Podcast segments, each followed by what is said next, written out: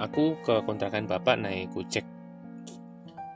Nah, ketika sampai di kontrakan bapak, suasana sepi ya, lingkungan situ mungkin ya itu masih siang ya.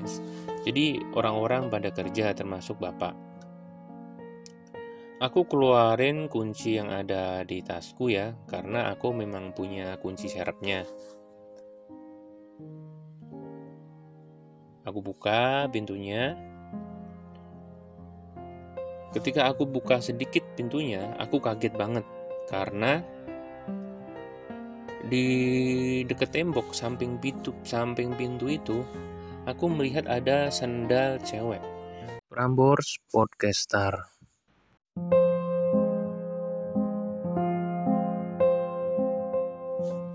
Halo, berjumpa lagi dengan saya di podcast Drama Nikah.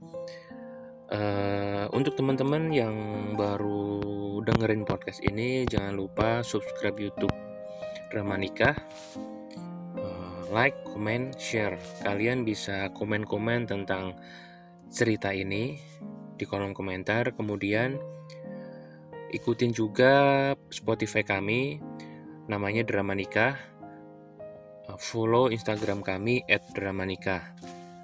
Teman-teman juga bisa kirim cerita-cerita kalian melalui DM. Ceritanya uh, tentang pernikahan boleh, sedih boleh, senang boleh. Teman-teman yang belum nikah juga boleh share pengalaman kalian uh, ketika pacaran dan rencana ingin menikah. Kurang lebih seperti itu. Langsung aja ke cerita hari ini. Ini cerita dari seseorang, eh, nama samaranya adalah Laras, yang judulnya Bapakku Selingkuh. Halo, namaku Laras. Aku mau sedikit curhat tentang kehidupanku.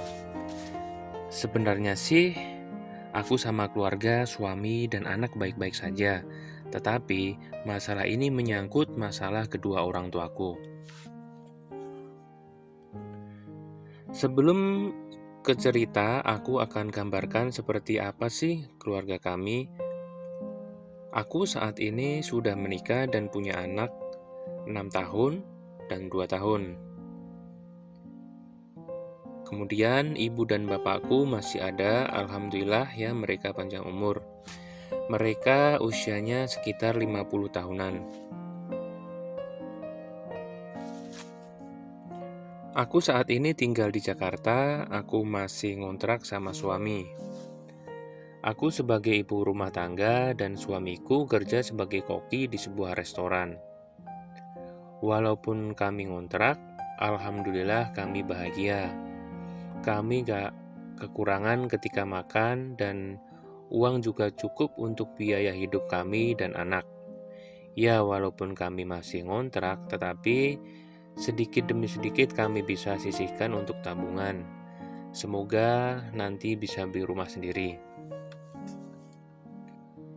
Oh iya, ibuku tinggal di kampung dengan adikku, sementara bapak kerja di Depok.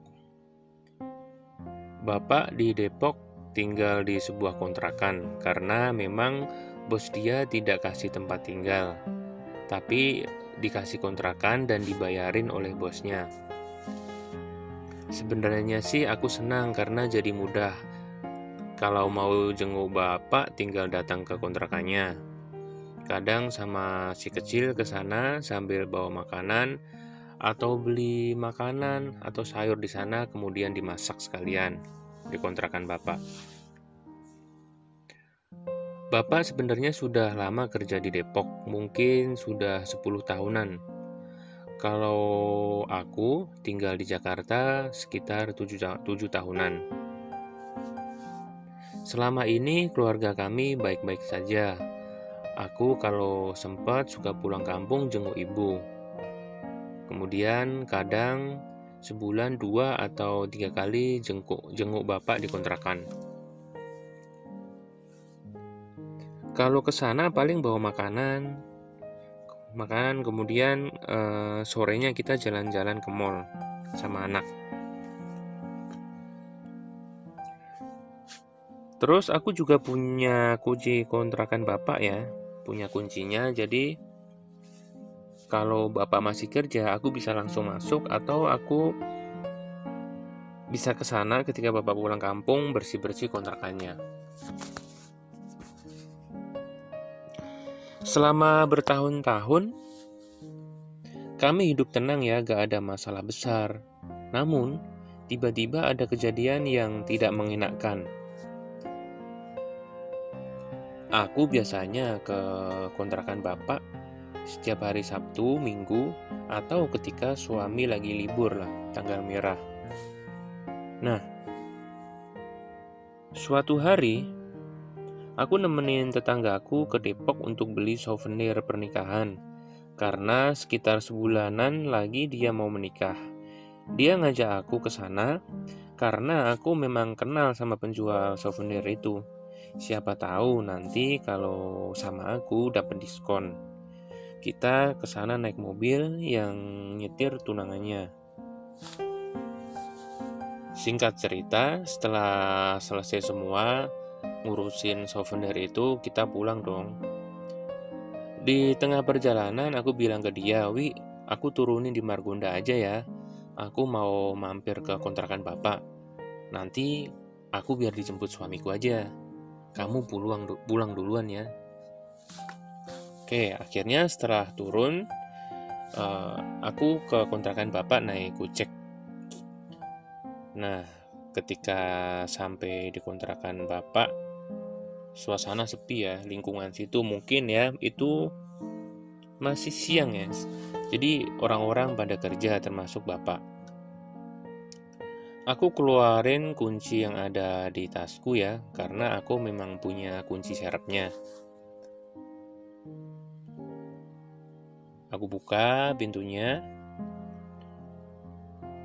Ketika aku buka sedikit pintunya, aku kaget banget karena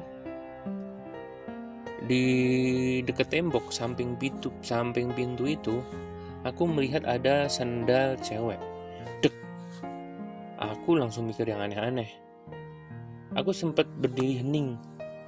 Uh, kupingku coba aku tajemin, siapa tahu ada suara orang di dalam gitu. Aku diem, berdiri, tapi ternyata nggak ada suara. Jadi kontrakan bapak itu desainnya bagian depan ruang tamu, tengah itu ada kamar tanpa pintu, hanya gorden, terus ada sekat lagi yang ada sekat, pintunya ada gordennya. Nah di belakangnya itu kamar mandi dan dapur. Aku hening kemudian pelan-pelan jalan jalan ke belakang dengan perasaan tidak karuan karena jujur langsung mikir yang aneh-aneh aku pelan-pelan menyingkapkan gorden itu betapa kagetnya aku karena bapak sedang tidur sama perempuan lain Aku kenal orang ini karena orang kampung yang sama-sama merantau di sini. Di situ aku langsung marah. Aku nggak mau lihat, aku langsung duduk di ruang tamu sambil teriak, nyuruh bapakku pakai baju dan usir perempuan itu keluar. Aku nggak mau cerita panjang lebar. Intinya malamnya aku langsung ceritain ini semua ke ibu dan adikku di kampung. Bapak minta maaf berkali-kali tapi sudah terlanjur. Kami terlanjur dikecewakan, eh, terutama ibu yang sangat sedih dan aku jujur malu banget. Terutama yang bikin marah itu orang sekampung yang merantau di sini. Singkat cerita, bapak dan ibuku akhirnya cerai, pisah mereka Kejadian itu sebenarnya sudah dua tahun yang lalu, tetapi sampai sekarang selalu mengganggu pikiranku, bikin aku suka sedih, bikin kepikiran. Saat ini bapak sudah nikah sama selingkuhannya yang masih udah muda itu. Bapak punya anak usianya dua tahun, bahkan umur anaknya itu sama sama anak anakku yang kedua. Kadang kalau melihat kehidupan bapak sedih juga ya, udah tua, banting tulang buat anak bayinya. Tapi biarlah itu jadi derita dia. Yang paling sedih semenjak itu ibu, ibuku sering sakit-sakitan dan makin hari ke sini makin ke sini makin kurus. Tiap hari aku di sini jadi kepikiran ya, apakah aku salah ya waktu itu? Apakah harusnya aku diam aja nggak usah cerita-cerita, cukup tegur dan marah sama bapak? Tanpa cerita ke ibu tentang perselingkuhan ini. Kalau aku waktu itu nggak cerita ke ibu mungkin kondisi ibu nggak seperti ini sekarang. Jujur aku sekarang nggak tenang kepikiran ibu di kampung kalau diajak ke sini dia juga nggak mau ya mungkin karena emang sempit juga rumahku dia nggak nyaman sekarang aku cuma berharap ibu sehat jangan sering sakit dan keluarga kami baik-baik aja. Kurang lebih demikian cerita dari saya. Sebenarnya sebenarnya ini hanya curhat tentang perasaan saya yang kadang merasa salah sama ibu dan itu cukup mengganggu pikiran saya setiap hari. Buat teman-teman minta doanya aja. Semoga keluarga kami dapat yang terbaik terutama ibu selalu sehat. Terima kasih.